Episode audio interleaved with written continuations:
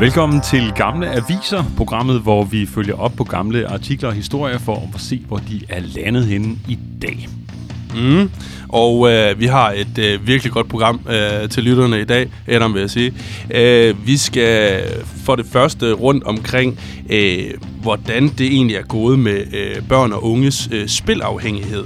For i 2015 der udkom der en undersøgelse fra IT-universitetet, som beskrev problemer, øh, som børn og unge de oplevede på grund af afhængighed af computerspil. Siden da, der er e-sporten jo blevet en etableret sportsgren på lige fod med håndbold eller dans for eksempel. Øh, så derfor så dykker vi i dag i programmet ned øh, for at se, øh, hvordan går det egentlig med øh, børns øh, vaner, når det kommer til computerspil i dag. Ja, og så skal vi høre om Thomas Fredsted stadig er i arbejde. Han var en af de kontanthjælpsmodtagere, der var en del af et samarbejde mellem Sønderborg Kommune og Danmarks største slagteri, Danish Crown, der handlede om at få ikke jobparate kontanthjælpsmodtagere op af sofaen og i arbejde. Det skulle ske via fysisk træning, ændret kost og psykologtimer. Og en af dem, det lykkedes for, var den dengang 24-årige Thomas Fredsted, der i 2017 blev ansat som slagterimedarbejder. Men hvordan ser det så ud her fem år senere? Er Thomas Fredsted stadig i arbejde? Vi taler med ham senere i programmet. Mm. Men inden vi når så langt, og allerførst, så skal vi altså tage temperaturen på konfirmationsræset. For i 2015, der måtte en række præster give forældre påbud om ikke at afhente deres nyklikkede konfirmander i helikopter og dyre sportsvogne. Oh. For ifølge præsterne, så var der ikke nogen grund til at dengang i hvert fald at flage med den økonomiske ulighed på en dag, som ellers jo skal være til glæde for altså alle de nyklikkede konfirmander, øh, uanset familiernes velstand eller mangel på mm. samme. Det skal vi også tale om lige om lidt. Alright. Din værter i dag i den næste times tid er mig, Adam Dreves og Søren Bak. Velkommen til. Velkommen til.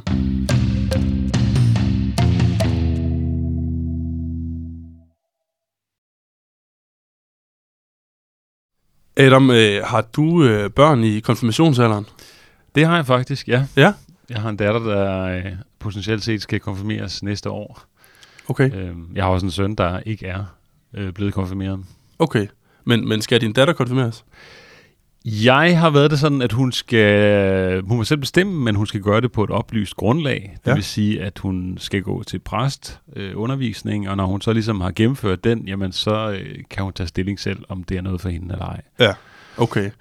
Og altså hele det her race omkring øh, konfirmation og, og, altså øh, dyre biler, der kommer og henter konfirmanderne og alle de her ting, alt det ekstravagante ja. ved det, er det noget du, altså hvad gør du der af tanker om det? Jamen, nu har jeg jo ikke selv holdt konfirmation, men jeg ved, altså, jeg synes det er, jeg må indrømme, jeg synes det er helt forfærdeligt. Ja. Altså, og, og jeg, jeg synes, øh, der faktisk står noget i artiklen, som jeg er meget enig i. Der står nemlig det her med, at man, at, at der kommer fokus på den, de forkerte ting på en eller anden måde. Ikke? Mm. Altså, øh, man skal nødig komme ud og så sådan være glad for, at man er blevet konfirmeret, og så det mm. første, man ser, det er, øh, at man, man ligesom ikke har det, de andre har. Mm. Øh, og i forvejen er der jo enormt meget fokus på sådan det materialistiske mm. aspekt mm. ved, øh, ved konfirmationen, mm. med at man ligesom bliver konfirmeret for at få større gaver, eller mm. hvad det nu hedder. Ikke? Det gør jeg i hvert fald. Det kan øh, jeg sige 100% ja, til. Ja, det, det var også lidt det, der, der mm. lå hos mig. Mm. Øhm, og det var ligesom også en del af konceptet sådan, ja. på en eller anden måde. Det, det, det anerkendte man. Det var mm-hmm. okay legitimt at have den holdning. Ja. Øhm, men, øhm, men jeg synes, det har taget overhånd nu. Mm.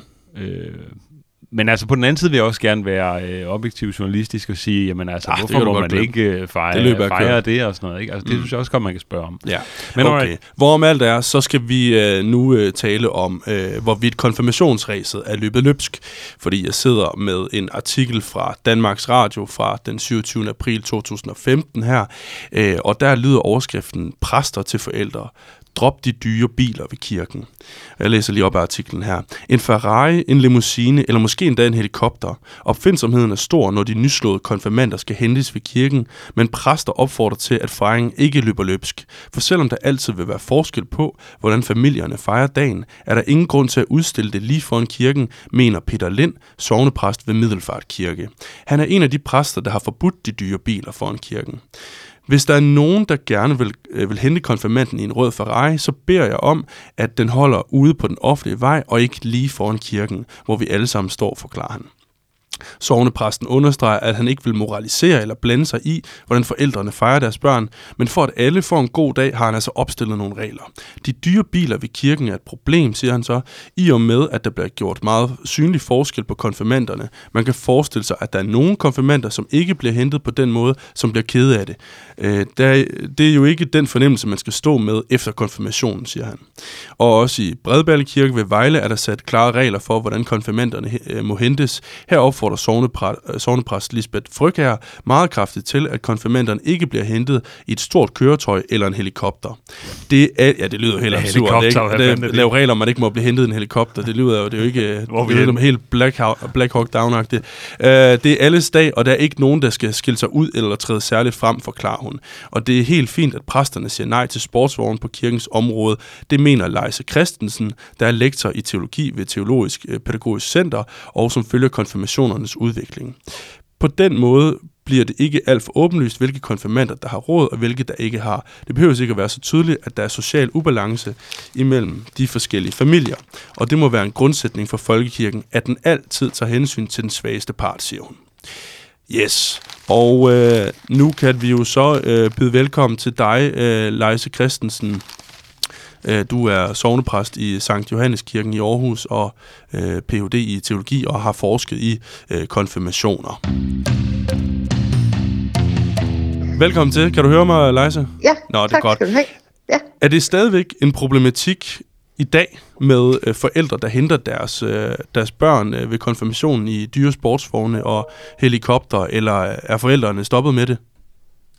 Jeg synes faktisk, at, øh, at det er et rigtig godt spørgsmål, fordi man kan sige, at det spørgsmål, der er op at vende hver eneste år, der er sådan lidt uh, rituel stammedans over det. Dels det med, uh, hvad bliver børnene hentet i, eller de unge hentet i, og så det der spørgsmål, uh, om de bliver konfirmeret for gavernes skyld.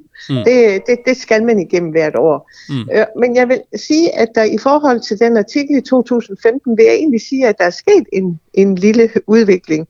Mm. Um, sådan at forstå, at jeg tror ikke, at så mange konfirmander nu hentes i de meget voldsomme køretøjer, såsom helikopter og limousiner og røde Ferrari'er, af den simple grund, at øh, hele debatten om klimaet faktisk er noget, som nogle konfirmander, og faktisk en hel del konfirmander, er ret optaget af.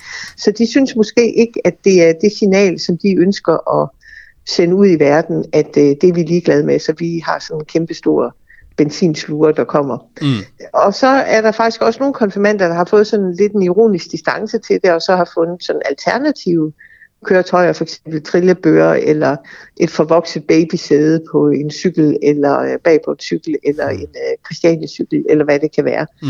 Men selvfølgelig vil der stadigvæk være nogen, der ønsker at blive hentet i en stor bil. Og der må man jo så også være færre at sige, at hvis der er en pige eller en dreng, der har interesseret sig voldsomt for biler, øh, og alle dage har drømt om at prøve at sidde inde i en rød Ferrari, jamen, så er det måske også lidt mærkeligt at sige, at, øh, Klart. At det kan slet ikke gå an, og puh, mm. med dig. Ja. Øhm, så, så der skal jo ligesom i alle andre af livets forhold udvises et skøn. Mm-hmm. Men det er ikke mit indtryk. Ja, altså der skal simpelthen være lidt balance. Mm. Og så er der jo også forældre, der simpelthen bare har store køretøjer, og hvis de ikke må hente konfirmanderne i dem, så kan de jo ikke fragte dem derhen, hvor de skal. Nej, men, det er øhm, Ej, men det, det, det, det er synd for det, dem det, med de store biler. ja, ja, det, det, nej, men altså, øhm, jeg oplever men, ikke problematikken så stor, som dengang for syv år siden. Nej, det er blevet mindre, og folk er blevet mere klimabevidste. Ja. Men, og... men Leis, ja. øh, du siger, du ikke oplever det. Er det noget sådan, altså hvor har du den viden fra? Er det sådan det, du hører, eller er det din mavefornemmelse, eller har du noget sådan statistik på det? Eller? Nej, jeg har ikke noget statistik på det, Nej. men øh, det er noget, altså en ting er, hvad jeg selv oplever, men det er jo ikke så interessant, men altså, det er faktisk noget, som øh, bliver talt om blandt præster, at mm. det ikke så i gåsøjne slemt, som som det har været. Og der tror jeg simpelthen, at hele miljøbevidstheden har gjort en forskel. Mm. Så kan man jo blive hentet i hestevogn, hvis det endelig var. Ja. Det må være rimelig uh, miljøvenligt. Ja, øh. det, det ved jeg så ikke med CO2-udledninger, som kører. Altså, ah, ja, det må det vi lade klogere om at, ja. at afgøre. Ja, okay. Det er heller ikke det, det skal handle om lige nu. Nej. Uh, okay, men, men er, det, er det... Ja, det, det, det er jo sådan med, med konfirmationer, ligesom det er med alt muligt andet. Jeg kommer også til at tænke ja. på altså, børne- eller navne til, til, til børn ja. og alt muligt andet. Ja. Der er så meget mode i det. Ja. Uh, ja. Er, er det. Er det sådan blevet lidt... Uh, ja, hvad siger man, sådan lidt uncool, for at bruge et meget øh, ungdomligt udtryk, at, øh, øh, altså, at, at blive hentet i en rød Ferrari eller en helikopter i dag, siden 2015? Øh, jeg ved ikke, om det er blevet uncool, men, men det er i hvert fald ikke lige så cool, som det har været. Nej. Okay. Og jeg oplever egentlig også, at mange konfirmander også har en meget sådan uh, udbredt social bevidsthed uh, i klassen. Og det er jo ikke, fordi man ikke ved i klassen, hvem der har penge og hvem der ikke har penge, og hvordan Nej. det forholder sig med det. Nej. Men, men jeg tror da, at uh, det er da noget, de tænker på. Mm. Øhm, men der er selvfølgelig områder i Danmark, der er mere udsatte Ja, for den det er slags. netop også det, jeg kan huske. Altså, Ja. jeg har været til konfirmation øh, Ja. hos, øh, Ja. op øh, i det nordsjællandske. Og ikke for Ja. at øh, nedgøre viskebæltet eller noget, men der ved jeg, der, der bliver der i hvert fald skruet op Ja. for de der tangenter. Ja, ja øh, det er der- godt, og de har, de, de, de har nok en, altså visse steder har man nok en anden holdning til det. Men det er måske også deres dagligdags køretøjer, hvad ved jeg. Ja, det, det, ja, okay. Altså, så er det måske lige onkels øh, Porsche, der kommer frem, ja. eller øh, Ja, den gamle Rolls Royce eller noget. Jeg, Ja. jeg tænker også, at, at, at øh, øh, ja, det kan da også være, det er folk ude i provinsen, som går helt vildt meget op i biler, som gerne vil hente til et eller andet. Øh, altså typisk så er det jo folk, øh, der er, er veloplyste og øh, bor inde, i by, inde i byerne, som vil være være meget øh, mere klimabevidste. Ikke? Mm. Øh, det, det kunne jeg da godt forestille mig, at det måske er mere normalt at blive hentet i en, øh, det ved jeg ikke, en Christiania-cykel i, på Nørrebro, end det er Helt i, sikkert, i helt Åben. Rå. Altså, Helt sikkert. øhm, ja, men det er jo ja men selvfølgelig... det tror jeg også har noget med afstande at gøre. Ja. altså der er jo alligevel grænser for, hvor langt man kan cykle på en Christiania. Ja, det, cykle med det en konfirmand selvfølgelig ude en faktor, foran. ja. ja, det er klart. Ja. Har du, øh, altså, hvad er det vildeste, du har oplevet af sådan øh, køretøjer, der kommer?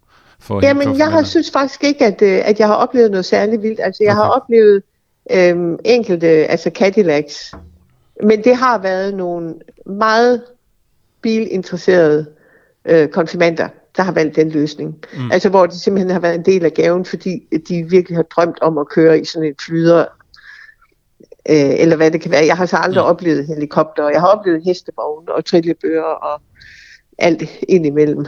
Ja. Mm. Okay. Øh, men, men, men, men ingen helikopter. Hvad, hvad snakker I så ellers om, når du snakker med de andre præster der, altså i forhold til konfirmationen? Er der, øh, er der kommet mere eller mindre fokus på de økonomiske aspekter, altså gaverne?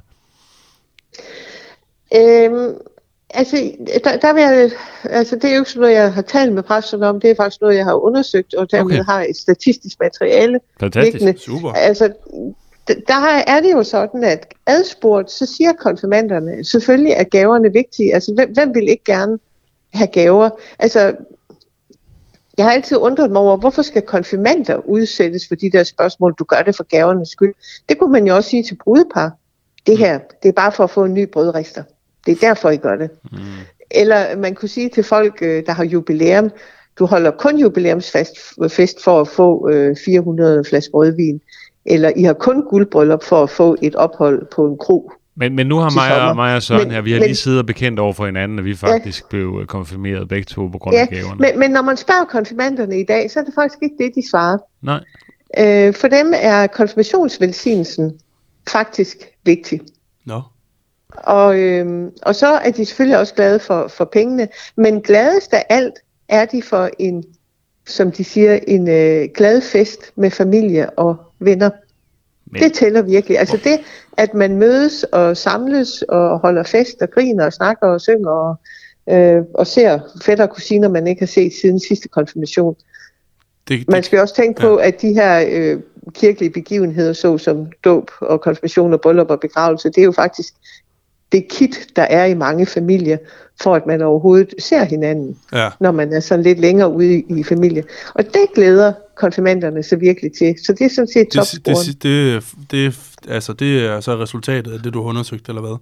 Ja, Ja. Det er sådan en spørgeskema, okay. man har givet. Ja. Øh, okay. Nå, Ja. altså, det er vildt nok. Jeg ved, jeg ved ikke, det, jeg, jeg stiller mig lidt skeptisk her. Altså, det, det kan godt være, at det, ja, det er mig, der er meget skeptisk ja, men... men- anlagt. Men, men altså, jeg tænker bare, som konfirmand, man ved jo godt, hvad man skal svare. Altså, man ved godt, at det, Nej, altså kon- konfirmander i dag øh, i sådan en anonym spørgeskema undersøgelse, som øh, trods alt har, øh, altså vi har dækket et par tusind konfirmander fra hele landet. Mm. Øhm, de, øhm, altså, de er ikke så autoritetstro, at de ved, hvad de skal svare. Altså dels så tror jeg faktisk ikke, de ved, hvad de skal svare, eller hvad der forventes, man Nej. svarer. Og, og dels så, øhm, så øh, at øh, religion og tro, det er i dag ikke sådan noget, man går og putter med på samme måde, som det var for bare 20 år siden. Men det er jo altså, helt vildt interessant. langt mere ud i det. jo. Ja, mm. det, det er nemlig meget interessant. Ja. Ja. Så derfor tror jeg faktisk, at man godt man kan tage konfirmandernes ord for gode varer. Mm. Mm-hmm. Hvad er Øhm, årsagen til, at... Så, så, øh, så de tre vigtigste ting, det er fest, det er konfirmationsvelsignelse, og det er øh, selvfølgelig gaver, hvad, og, som vi alle sammen gerne vil have. og øh, ved man noget om, om der er sket et skifte altså for, for de unge mennesker? Mm, Nej, altså jeg kan se, at i de sådan, hvad er det, 15 år, jeg har beskæftiget mig med det, der, der ligger det egentlig ret stabilt. Men jeg vil tro, at hvis man så for eksempel på 70'erne, hvor jeg selv er konfirmeret, mm-hmm. der ville øh, det nok se anderledes ud. Men der sagde man jo også, at Gud var død, og religionen ville aldrig nogensinde øh, komme ind i verden igen. Mm. Og der må man jo nok sige, at øh, man tog listen lidt fejl.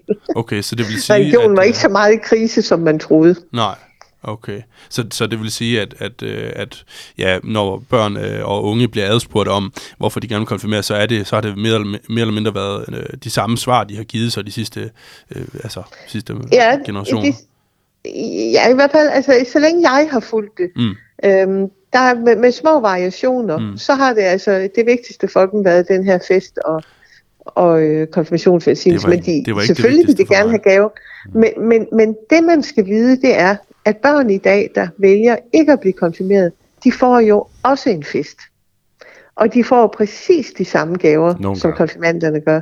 Åh, men de får iPhones, og de får cykler, og, øh, og dem, der ikke får noget, de vil heller ikke få noget, Mm. hvis de bliver konfirmeret. Mm. Fordi der er jo også noget, øh, altså, der er jo også noget socialt i det, øh, og der er jo noget økonomi i det. Men, men det enkelte barn, der vælger at blive konfirmeret eller ikke konfirmeret, får typisk en fest alligevel, Okay. nu, Nu, øh, hvor de får gaver. nu, er de, nu er du så en, nu er der en præst derude, der er ude at sige, øh, ham sovnepræsten Peter Lind, øh, altså det sagde han i hvert fald i 2015, Ja, drop ja. de her dyre biler. Altså vi Ja. skal, vi skal ikke have dem helt Ja. op til kirken, og de må Nej. holde ude på vejen og sådan noget. Ja. Skal, skal præster egentlig blande sig i, øh, i sådan noget? Altså, øh, har folk Nej, ikke de lov skal ikke, til at... altså de, de hverken kan eller skal blande sig i det offentlige område, men det som er kirkens område, mm. hvis der nu er en plads op foran kirken, det kan man jo udmærket godt blande sig i, fordi det, det, det er jo kirken, der bestemmer, hvilke blomster, der skal stå der, hvordan der skal luse Ja. og ikke luse, og Så det må øh, gerne hvilke biler, på, der skal holde der. på, ja. på, på kirkens øh, parkeringsplads. Der er ikke noget problem med, at der holder der er, kirken bestemmer jo på kirkens område, okay. så det, Det må kunne man godt gerne. være, at det var sådan lidt mere åndeligt, at man sagde, okay, prøv at holde fokus øh, på det vigtige her. Altså, øh, Ja. det er en, Ja. en, og, og det religiøs synes jeg faktisk, øh, ja, det synes jeg, at det præsten gør, øh, som du nævnte før. Ja. Det, det, det er jo ikke fordi, han personligt har noget imod de biler. Det, det er jo fordi, at han forsøger at sige, at det er ikke det, der er i fokus den dag. Og det synes jeg er rigtig godt, at han har sagt. Og jeg vil tænke, at det er måske nogen, der har Hov, læst den lige ud et artikel. øjeblik. Kan du bare lige gentage, hvad du sagde der, Lejse? Ja, øhm, Altså, der er nogen, der har Ja. læst den artikel. Ja, da man debatterede det dengang i 2015, for jeg kan også huske, det var i øh, søndagsavisen, øh, Danmarks Radio og mange steder. Altså der kan jo godt være øh, mange forældre, der har tænkt, nå nej, øh, man kan jo også se det ud fra den synsvinkel, mm. og så tænkt, når vores skal konfirmeres, så, øh, ja, så kører vi ikke Ferrari'en lige op til hoveddøren. Nej, altså man kan sige, meget af det her, som præsterne de, de taler om i artiklen, altså dem, der giver øh, påbud eller opfordrer forældrene til ikke at komme og hente deres børn i, i Ferrari og, og alt muligt andet, øh, det, det er jo sådan en form for øh, forebyggende øh, effekt, man, eller for, øh, forebyggende øh, greb, man prøver at lave der. Altså, man, man, vil ikke, man prøver at forebygge, at der er nogle af konfirmanderne, der føler sig forskelsbehandlet og, øh, ja, og, og bliver kede af det. Ved vi egentlig, ja. om der nogensinde har været en konfirmand, som er blevet ked af det her? Fordi at øh, vedkommende ikke er blevet hentet i en rød Ferrari?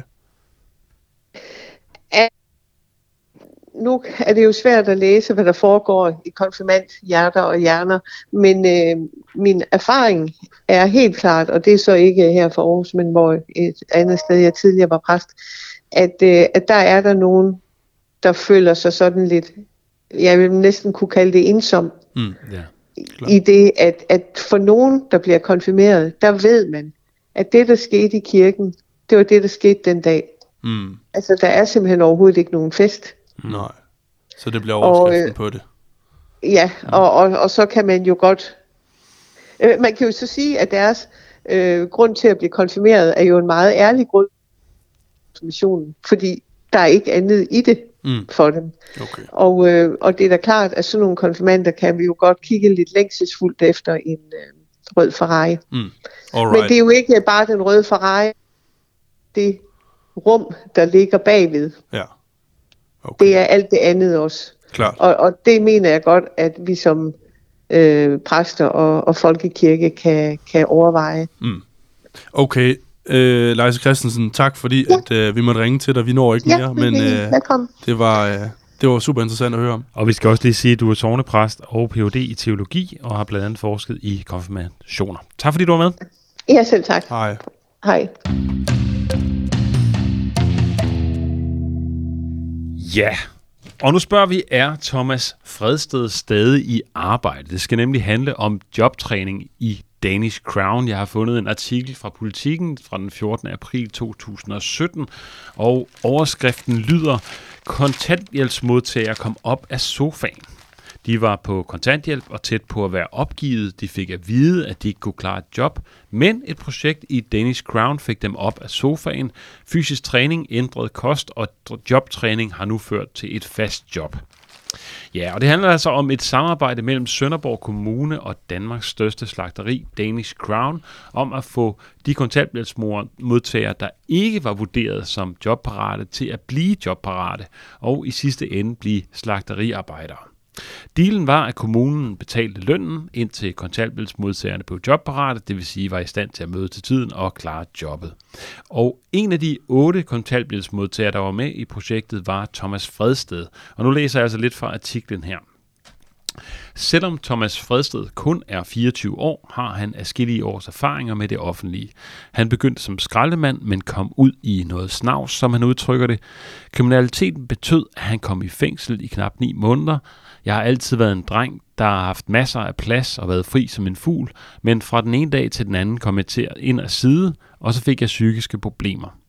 Thomas fik angst, hvis han oplevede pres. Når han skulle ud og søge et job, endte han med at stå i et hjørne og kaste op. Så kom han på bistandshjælp og var sygemeldt, men ville ikke have medicin.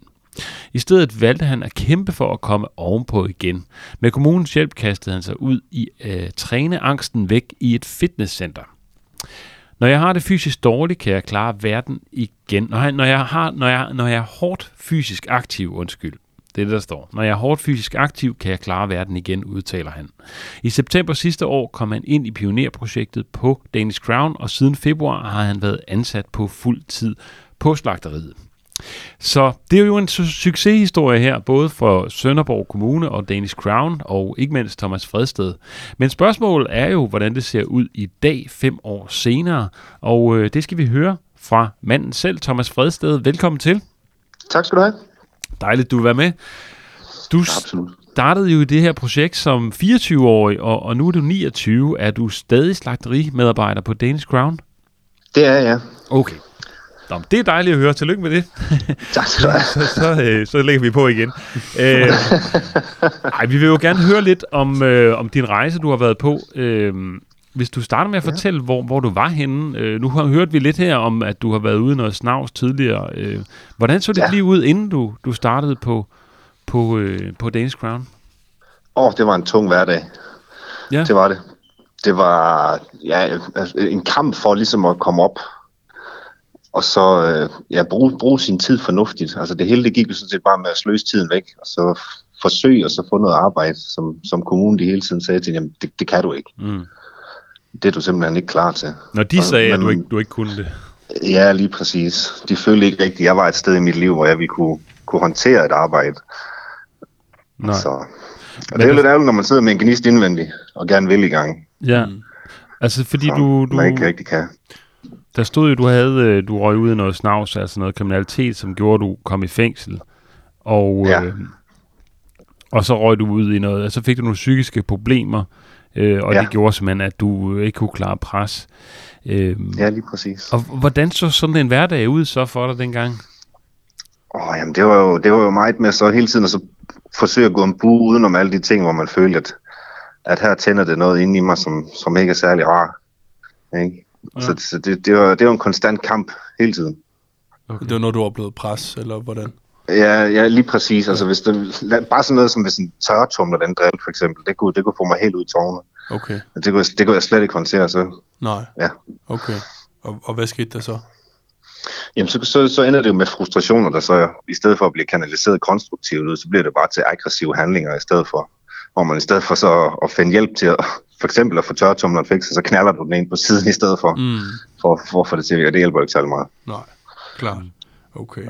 Og, og, og, og, og du beskriver, at, øh, ja, som Adam også siger, at du var ude i noget snavs. Altså, hvad var det for ja. Noget snavs, du var ude i? Jamen, det er jo forkerte, eller forkert, ja, det kan man godt sige, det er forkerte bekendtskaber, ikke? Som, som i stedet for at trække ind i en positiv retning, så, så ryger man lidt længere ned i søl i stedet for. Ja. Og begynder at tage nogle lidt mere uheldige valg. Ligesom for at, hvis man nu for eksempel siger, at på kontanthjælp, der, du tjener ikke så mange penge, men mm. du Mm. skal jo stadig have en hverdag til at køre. Du skal jo stadigvæk have din familie til at køre osv. Så, videre. så, så tager du lidt nogle valg, hvor, hvor pengene de skal komme ind et andet sted hen. Mm. Ikke? Okay. Så det, det er sådan lidt, Havde- lidt noget snavs i den retning. Ikke? Havde Ja. du familie allerede dengang i en alder af 24? En gang til. Havde du familie allerede øh, dengang i en alder af 24? Nej, altså, jeg havde, jeg havde kæreste, jeg havde, vi havde tre hunde dengang, der også skulle, skulle have mad og så videre, okay. ikke? Så Men altså, lad os prøve at spole lidt frem, så, hvor, du, hvor du så starter på det her projekt øh, på Danish Crown. Øh, I artiklen her, ja. der står der, øh, at, øh, at det var hårdt at starte. Altså, øh, lige nu, siger du øh, på det tidspunkt, øh, hvor artiklen bliver skrevet, lige nu, hvor vi kører for fuld smæk, sover dine hænder om natten på en måde, som jeg aldrig har prøvet før. Det er som ja. Om en skærebrænder står og brænder i din arm. Men det er bare ja. Ja. dine sener, som skal vende sig til arbejdet. Det lyder voldsomt. det er også meget voldsomt, det er det. Hvor, hvor, prøv at fortælle øh, om de første dage der, hvor du startede. Jamen altså, det, det hele det er jo øh, sådan lidt baseret på oplæring til at starte med, mm. hvor du øh, får en kniv i hånden og, og lærer at bruge den. Og det gik meget tid, det gik med, at vi, at vi egentlig hyggede os som det hold, vi nu var, og, og lærte hinanden at kende, og det hele det startede stille op, sådan, så man ikke følte sig presset sådan på nogen måde. Mm. Og så, så efterfølgende, så bliver du så sat op på, på, på linjen sammen med de andre, hvor, øh, hvor man skærer godt og vel en, en 546 stykker i timen. Wow. Ja, Altså, hvad- hvad skærer man, siger du? Jamen der, når jeg står, der, der udbener vi øh, for eksempel øh, kamme, som I kender som nok flæskesteg Mm. og så videre. Ikke? Mm. Ja, de bliver benet ud, og der, det, er, det er de der 546 i timen. Okay, hold op. Det er også Så voldsomt. der, der, der er lidt smæk på, så der kan man godt gå hen og få lidt ondt i armene. Ja. Ja, det kan man forestille. Og det er jo meget det ensartede arbejde, ikke sådan? Altså. Det er meget monotont, det hele. Ja. Mm. Det er det. Så, så I stå, du står der, øh, da du kommer i gang med den her proces, og så øh, står du ved et, et bord øh, selv og, og skal lære det, og, og kommer så Jo. bliver indsluset stille og roligt i, i produktionen. Altså, hvad, hvad indebar den her øh, proces ellers? Hvad, hvad gjorde Danish Crown ellers? Øh? Jamen, det, det, det var jo lidt det der med at få prøvet at, at, at få folk til at se, at der er også en hverdag uden for kontanthjælpssystemet. Det der med at så komme ud, og så mærke den energi, når du kommer hjem igen. Mm. Hvor, altså det, der- det der med, at man har lysten til ligesom at tage, tage afsted igen, uden presset det er for stort. At man, at man ligesom skal glæde sig til at kunne komme afsted. Det, det gjorde de meget, mm. sådan for at vi havde havde det godt. Vi havde noget, øh, noget fysioterapi indover. Mm. Nogen, der viste os noget udstræk og sådan nogle ting, hvad vi ellers kunne gøre. Og så havde vi træning og madlavning også. Ja, Så vi ligesom fik den der hverdag op at køre, så vi ikke bare sad hjemme og bestilte pizza. Okay, så de lærte jer også, øh, eller gav jer opskrifter til madlavning, eller hvad, eller gav ja. Med, madlavningskurser? Hver mandag, der tog vi ud, og så lavede vi mad inde i, øh, i Sønderborg derinde, som, Okay. øh, som et hold sammen, og så, og så ligesom blev rystet sammen også, og på den måde. Okay, ja. Så det der med, at man hele tiden fik at vide, jamen øh, det her, det gør du skide godt, der skal nok være noget til dig her bagefter. Det, det gør meget ved en. Det gør Mhm. det. Det giver en gejst. Mm.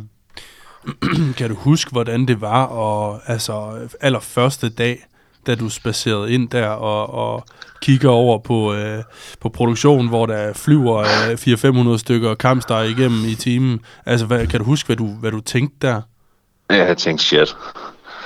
Det var det første, jeg tænkte. Også øh, den duft, man sådan blev ramt af, du ved, det kom lidt som en hammer i hovedet på en. Det, altså, det lugtede ikke særlig godt. Det lugtede lidt lort, sådan, for at sige det som det er, Okay. okay. når man kommer igennem dernede. Mm.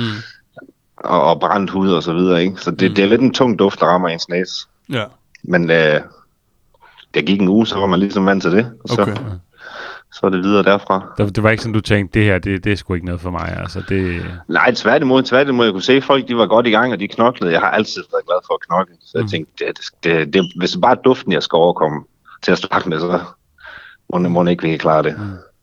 Nu siger du også, at, at en af, altså, du har du udviklet sådan øh, angst, og i forlængelse af det, så snart du blev presset, ikke, så, så, øh, så står der her, at du endte med at stå i et hjørne og kaste op. Ja, lige præcis. Der må jo også have været en eller anden form for pres med at skulle leve op til at ordne 546 kampstege i, i timen. Ja, men det var der også. Altså, vi, vi var så heldige, vi blev hentet af noget taxa øh, dengang, så vi blev kørt fra og til, så der ikke var nogen undskyldning for at ikke at kunne komme. Oh, okay. Og så, øh, inden, inden jeg skulle møde med taxa, der stod jeg og kastede op ind i en hæk, du ved. Men jeg sagde til mig selv hver gang, du tager bare afsted. For lige så snart du er ude på arbejde, så stopper det igen. Fordi så er du i det. Så er, der ikke, altså, så er du ligesom over den væg der mm. af bekymringer, og, og hvorfor en pres kommer der nu, og hvad der tænker folk om mig, og så videre. Mm. Fordi så har du det, du skal arbejde med, det er det, du skal forholde dig til.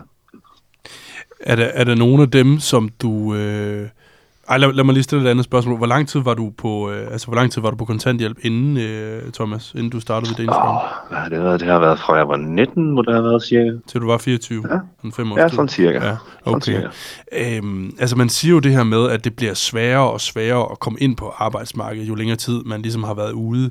Øh, kunne, du, kunne du mærke det sådan, ud over det der med, at, øh, at, at du kunne mærke det selvfølgelig sådan rent fysisk i skuldrene, at det føles som skærbrænder, men kunne du mærke sådan en eller anden form for mur øh, i det, du trådte ind i, i på jobbet der? Eller, eller hvordan oplevede du det?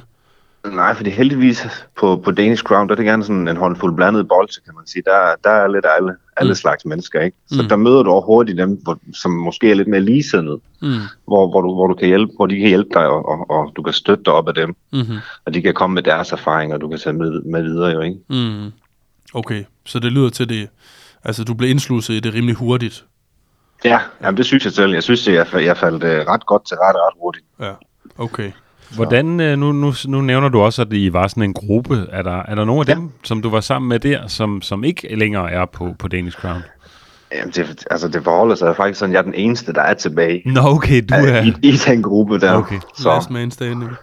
Ja, lige præcis. Jeg holder flad højt endnu. Okay, og ved du så, hvor, hvad de laver, de andre? Er de, øh, altså, blev det for Jamen, hårdt der- for dem, eller? Jamen, der er jo nogen, de kunne ikke rigtig indfinde sig med det, øh, at det er meget sådan ordnung vores sign ud af det. øh. Der er sådan et, det er ret skemalagt det hele. Mm. Det er ikke, det er ikke, du har ikke så fri tøjler igen, for eksempel med pauser og sådan noget. Det er ret bap, bap, bap. Og så skal det hele gerne køre, ikke? Og der, Mm. der er nogen, de er jo bare, de er jo mere bygget til det der med, at der bestemmer man lidt selv, hvornår du tager din kaffepause og sådan. Mm. Hvor jeg har det meget godt med, at det hele det er skemalagt for mig. Jeg ved, hvornår jeg skal hvad, og, Ja, det giver og så ved jeg, hvornår jeg har fri, ved, ikke? det giver noget tryghed. Men nu var der Ja, også mange af præcis. de andre i gruppen, som var meget ældre end dig, ikke? Du var trods alt Jo. øh, kun 24, så det har jo nok også måske haft noget at sige, at du Ja, det øh, tænker jeg. har det været tænker mere jeg. frisk på at, at, at, at ligesom tilpasse dig det her. Ja, nemlig. Øhm, nu har du jo været nok en af dem, der har virkelig har været igennem møllen på det der jobcenter der. Er der, er der noget, du, du vil sige til dem? Altså, hvordan, hvordan skal de øh, til, tilrettelægge deres indsats øh, for, at det, det giver på det før? Jeg tænker, man skal, man skal lytte til folks ønsker, i stedet for bare at kaste dem ud i ting. Mm-hmm.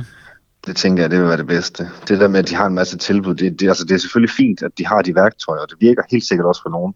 Men der er jo også bare nogle mennesker, der ikke rigtig der ikke kan de der ting, hvor det er bedre at så sige, jamen, hvad er det egentlig, du ønsker? Hvor, hvor skal vi arbejde hen af med dig? Ikke? Men, men, men sad du og sagde, jeg vil gerne være slagteriarbejder? Når jeg sagde til dem, jeg vil gerne have noget hårdt fysisk arbejde. Aha, ja. Jeg vil gerne have noget, hvor jeg kan mærke, når jeg kommer hjem, at jeg, at jeg har været på arbejde. Så, så jeg ikke sidder med en masse indebrændt energi oven i kasketten, du er i. Mm. ja. Og det, det lyder som om, at det har du da fundet for, for, for fuld... Øh, Absolut. Ja. Absolut. Øh, Thomas, øh, ved, ved du, øh, den gruppe der, du startede med, og dem, de andre, der var i det her forløb øh, sammen med dig, ved du, hvor de er henne i dag? Jeg ved, der er nogen, de er på Danfoss. Og så, øh, så er der nogen, de er vist faldt lidt, lidt desværre tilbage i, i møllen igen. I, i, øh, I kun- kontanthjælpssystemet der, ikke? Ja, lige præcis. Okay, ja. Alright. Ja.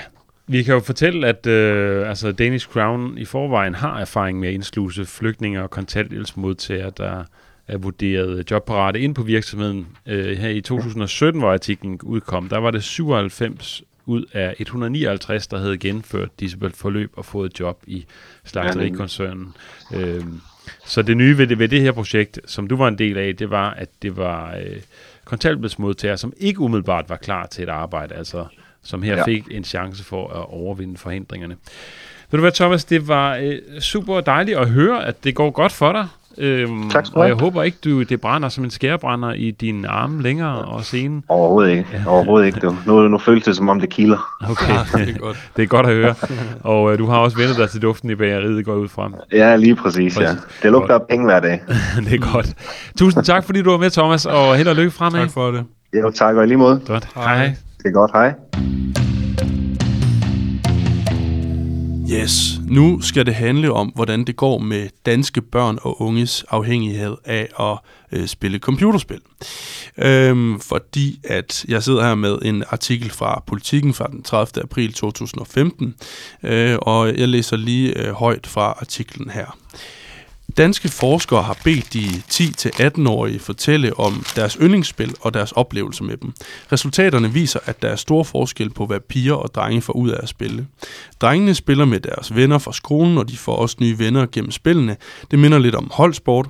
For pigerne er spillene måske en lille belønning efter lektierne og minder om underholdning som tv eller bøger, siger Annemette Thorhauge, lektor ved Københavns Universitet og formand for Medierådet for Børn og Unge. Hun står sammen med forskere fra IT-universitetet bag den nye undersøgelse. Vi oplever mange bekymrede forældre, som henvender sig til, bo- øh, til både øh, Medierådet og Center for Ludomani, så der er brug for mere viden til rådgivning. I dette projekt undersøger vi, hvad de unge selv oplever og hvilke reaktioner de får fra eksempelvis deres forældre, siger Anne Mette Thorhauge. Resultaterne er den første delrapport fra forskningen, der blandt andet har til formål at se nærmere på afhængighed af spil og brug af computerspil i hverdagen. Spørgeskemaundersøgelsen er foretaget blandt 1560 danske børn og unge mellem 10 til 18 år. Øh, af dem spiller 1384 en gang imellem. Forskerne har ikke spurgt til tidsforbrug ved spil i undersøgelsen, blandt andet på grund af respondenterne, respondenternes alder. De mest engagerede og konkurrenceorienterede af de unge øh, spillere får flest venner gennem spillene, men de skændes også mere med forældre, og de, øh, og de forsømmer flere af dagligdagens gøremål, viser undersøgelserne. De typiske forsømmelser kan være lektier og dagligdags forpligtelser som tømning af opvaskemaskinen. En fjerdedel af de meget engagerede spillere har, svær, har svaret, at de har skændes med forældre øh, om computerspil i den forløbende uge. Mette Thorhauge mener, at forældrene skal være grundige, når de ser på karakteren af samværet under spillene, hvis de er bekymret for, at spillene har taget overhånd. Det er, mu- det er muligt, at konflikterne opstår, fordi de unge, øh, de unge forpligter sig til fællesskaber i spillene, men det kan netop være i de fællesskaber, de unge oplever en social gevinst, siger hun. Og øh, nu kan vi altså så byde velkommen til dig, øh, her Annemette Thorhauge, lektor ved Københavns Universitet, øh, og det var dig, der stod, øh, stod bag den her undersøgelse dengang. Velkommen til. Mange tak. Øh, er, altså, er det de samme problemer, som øh, danske børn og unge oplevede dengang i 2015, som I beskrev i den her undersøgelse, som de oplever i dag? Eller hvordan ser det ud den dag i dag? Altså, man vil sige, vi arbejder sådan set i øjeblikket på at få penge til at få gentaget den her undersøgelse, så vi kan se, om det er de samme mønstre, øh, vi ser i dag, eller om der er sket nogen udvikling inden for de sidste 10 år.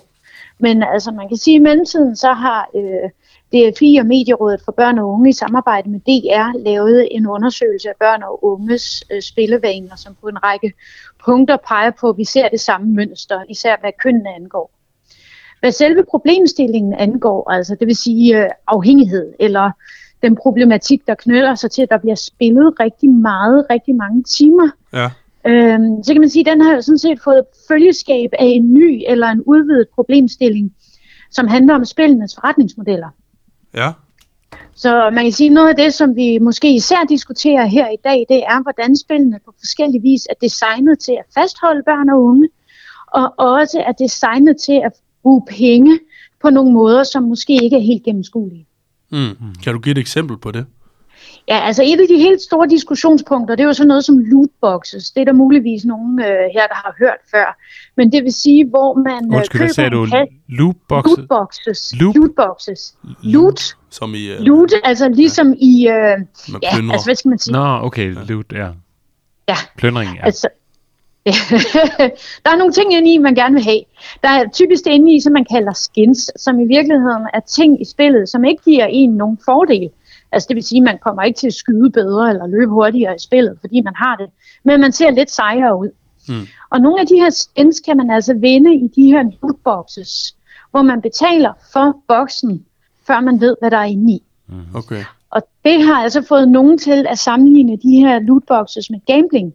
Og det er et eksempel på nogle af de her sådan lidt mindre transparente måder, at øh, man prøver at øh, lokke børn og unges øh, lommepenge fra dem på, kan man sige. Okay. Hvordan kan man ellers sådan sige, øh, altså undersøge de her forretningsmodeller, om, eller de her game designs, om de er simpelthen lavet udelukkende med det om formål, altså med hjerneforskning og hvad ved jeg som baggrund, altså udelukkende lavet med det formål at få skabe afhængighed af spillet? Altså, det er jo faktisk også rigtig, rigtig vanskeligt. Øh, altså, det man kan gøre, det er, at man kan identificere nogle bestemte typer af, hvad skal man sige, det man vil kalde mechanics, gameplay mechanics. Det vil sige nogle særlige spillelementer, som for eksempel de her lootboxes benytter sig af det, man kunne kalde en random reward mechanism, det vil sige en tilfældig belønning. Hmm. Og vi ved, at de her tilfældige belønninger har nogle bestemte indvirkninger på, hvordan man spiller de her spil. Så en af de måder, man kan gå ind og undersøge det her på, det er altså ved at se de her typer af spilmekanikker. At, er de særlig udbredt i de her spil, og på hvilken måde bliver de brugt i forskellige typer af spil. Mm. Jamen, man hører jo tit altså, at børn øh, i, altså, i Silicon Valley for eksempel, der giver de ikke øh, deres børn øh, iPads og så videre, hører man, fordi de simpelthen øh, ved, at man sidder og programmerer i, hvordan man kan skabe mest mulig afhængighed af de her spil. Altså for det første, så hvad de gør i Silicon Valley, ved vi nok ikke med den sikkerhed, vil Nej. jeg skynde mig at mm, sige. Mm, okay. Øh, for det andet, så vil jeg rigtig gerne væk fra ordet afhængighed. Problemet med ordet afhængighed, det er, at vi konstant sygeliggør de unge mennesker, når vi ikke forstår, hvorfor de her medier er vigtige for dem. Mm. Og jeg synes egentlig, det er vigtigt at gå ind og få forpligtet nogle af de her udbydere af spil, og nogle af de her platformsejere i forhold til, hvordan de laver de her platforme på en fornuftig måde. Mm. Det er jo indlysende, at de alle sammen skal tjene penge, men det er også indlysende, at vi har noget lovgivning omkring, øh, hvad skal man sige, gennemskuelige forretningsmodeller. Herunder nogle særlige forpligtelser, når det handler om børn og unge, som skal overholdes. Og det er nok især her, vi skal ind og, øh, og se nærmere på det. Det vil sige, hvordan er det, man udvikler de her spil og platforme med henblik på at fastholde og med henblik på at skabe tilkøb. Mm. Øh, og man kan sige, at et første skridt er måske også, at man selv insisterer på ikke at spille gratis spil, men derimod spil, som han, man har betalt up front. Fordi det reducerer jo, hvad skal man sige, spiludbyderens interesse i at fastholde dig. Ikke? Mm. Øhm, altså, det man kan sige, det er, Center for Ludomani rapporterer jo, at de får en større mængde unge øh, klienter. Og, og der kan for nogle unge mennesker, kan vi altså se, at, øh, at de her lootboxes muligvis er en eller anden form for gateway drug ind mm. i øh, forskellige former for pengespil. Okay. Samtidig kan man jo se på øh, medierådets og, og DR's undersøgelse af børn og unges spillevaner, ja. at det er de absolut færreste børn og unge, som bruger penge i spillene. Og når man så ser på, hvad de bruger penge på, så er det ganske få, der bruger dem på de her lootboxes. Okay. Så jeg skal lige skynde mig at sige, at det ikke er noget kæmpe fænomen. Nej, okay. Men, men det findes i hvert fald i Fortnite, ved jeg, fra min søn af, som også har brugt en, en del penge der. Øh, hvor man Jamen, også altså strengt taget, strengt taget er Fortnite en lidt anden forretningsmodel. Okay. Altså Fortnite, det var det nok det, man nok kunne omtale som sådan aggressiv opsælling. Det vil sige strategier til at få børn og unge til at bruge penge, men ikke gennem de her tilfældige belønningssystemer. Det er nogle andre virkemidler, Fortnite gør brug af. Det, der nogle gange kan forvirre lidt, det er, at Fortnite også bruger udtrykket skins om de items, man vinder. Mm-hmm. Forskellen er, om man køber de der items, fordi at øh, de, øh, Marvel har brandet dem, for eksempel. Eller at man øh, køber en lootbox med et ukendt indhold i forhåbning om at få et helt særligt skin. Ikke? Mm. Jeg hørte jeg da rigtigt, hvis jeg hørte dig sige før, at der var kommet en stigning i antallet af øh, folk, der henvendte sig, eller børn, der henvendte sig til øh, ludomani, Centeret for Ludomani. Ja, altså Center for Ludomani får flere øh, yngre klienter. Okay, og det er altså... Så det i hvert fald sidst, jeg talte med dem. Men samtidig siger du, du ikke en direkte, om hvor der er en direkte kausal sammenhæng mellem det og spillene, skal man selvfølgelig passe på med at antage. Aha. Der kan være mange forskellige årsager til, at pengespil i den grad bliver udbredt, blandt børn og unge. Mm. Man kan sige, at mængden af pengespil stiger i det hele taget, og er stedet i forbindelse med, at man har dereguleret det her felt. Og det kan jo også være en anden årsag til, at man finder, øh, finder flere, eller får flere unge klienter, det vil sige, at man får flere klienter i det hele taget. Ikke sandt? Så, så vi kan ikke uden videre antage, at det er på grund af computerspillene, men det er selvfølgelig værd at undersøge. Men du kan heller ikke udelukke det på den anden side. Nej, det kan man ikke. Det er meget let, man kan udelukke fuldstændig. Ja.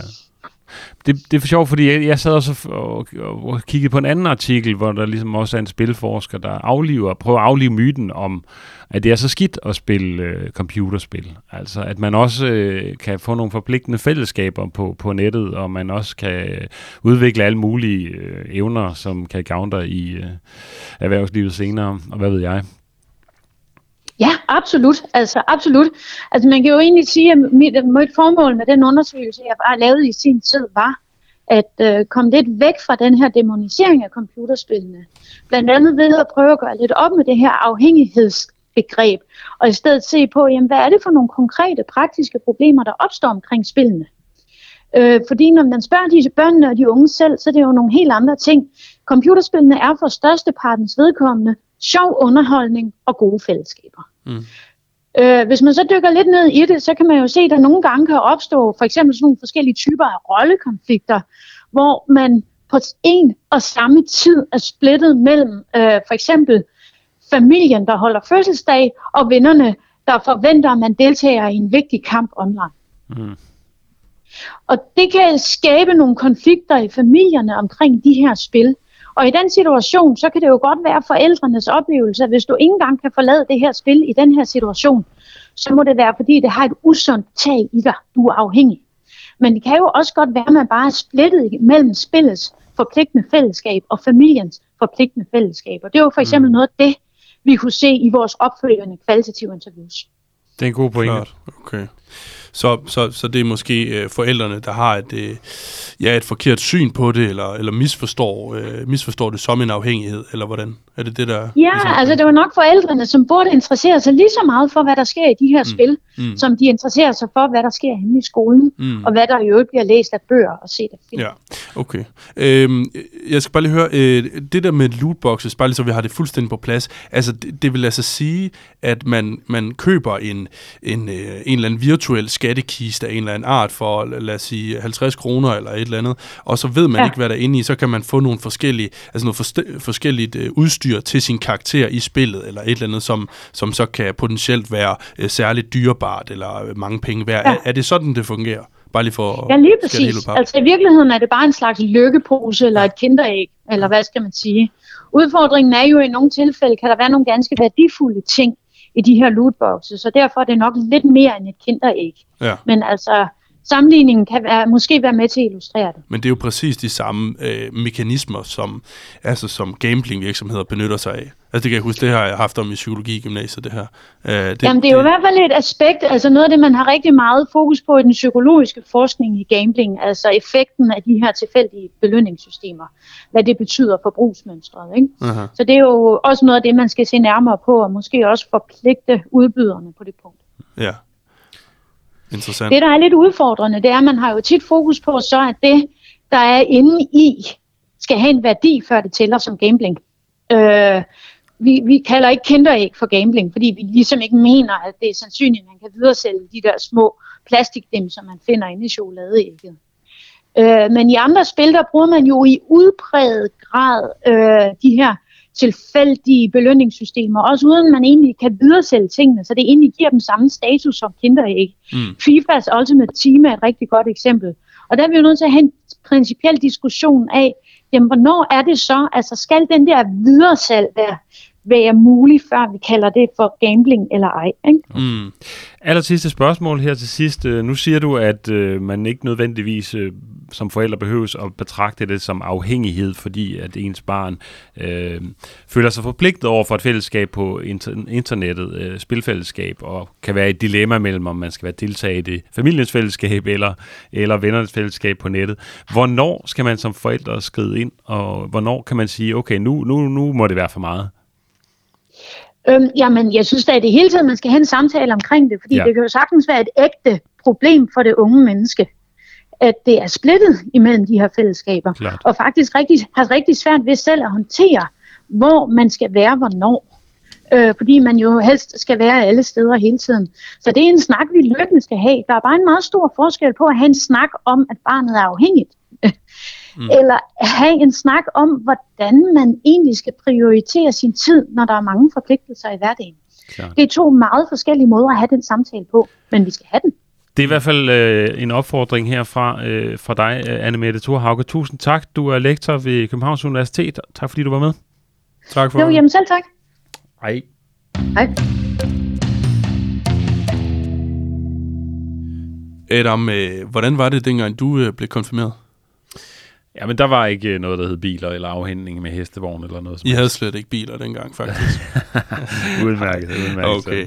Øh, men i hvert fald, vi kan jo konkludere, at øh, der er øh, færre øh, konfirmander, der bliver hentet øh, i sportsvogne og helikopter og, og ja, øh, alle mulige andre øh, ekstravagante øh, af, former for afhentning. Altså ja. det hører vi jo fra, øh, fra sovnepræsten her øh, i vores første indslag. Så det kan vi i hvert fald konkludere. Ja, Ja. Hvad, hvad tænker du om det? Altså øh, om, at der er kommet sådan en modtrend jo i virkeligheden, ja hvor folk jeg er fantastisk. Altså, sådan jeg synes det er netop, der er kommet sådan meget materialisme. Altså, også på gymnasiet, hvor man begyndte på gala og sådan noget, hvor man også skal have noget pænt tøj på. Og Mm. Det er noget, man bliver hentet i en eller anden vogn, hvor man sådan kan invitere en eller anden Mhm. date eller sådan noget. Jeg er Mhm. ikke helt styr på, hvad det, hvad det går ud på. Nej.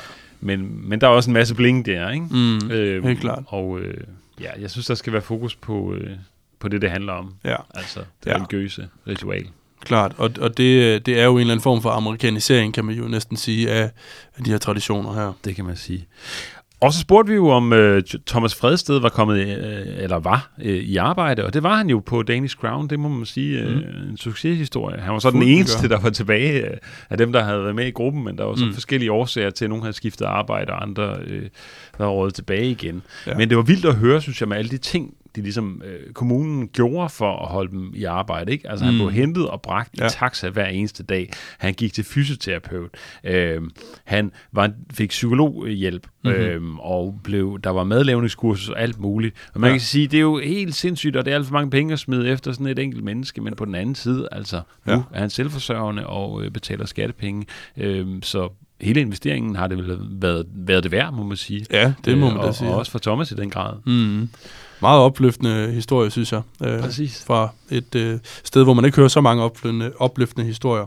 Og øh, så øh, har vi jo også øh, talt med øh, Anne Mette Thorhauge, lektor ved Københavns Universitet, som havde været med til at lave en øh, undersøgelse i 2015, der handlede om øh, børn og unges øh, spilafhængighed. Og altså, jeg synes, at øh, det mest interessante ved det interview, vi havde der, øh, det, det, det, det tænker jeg simpelthen er, at, øh, at hun, hun nævner det her med de her lootboxes, altså sådan nogle virtuelle skattekister, øh, hvor at man, øh, som simpelthen er designet til at gøre børn og unge afhængige af, af spil. Det synes jeg virkelig er, er voldsomt. Ja.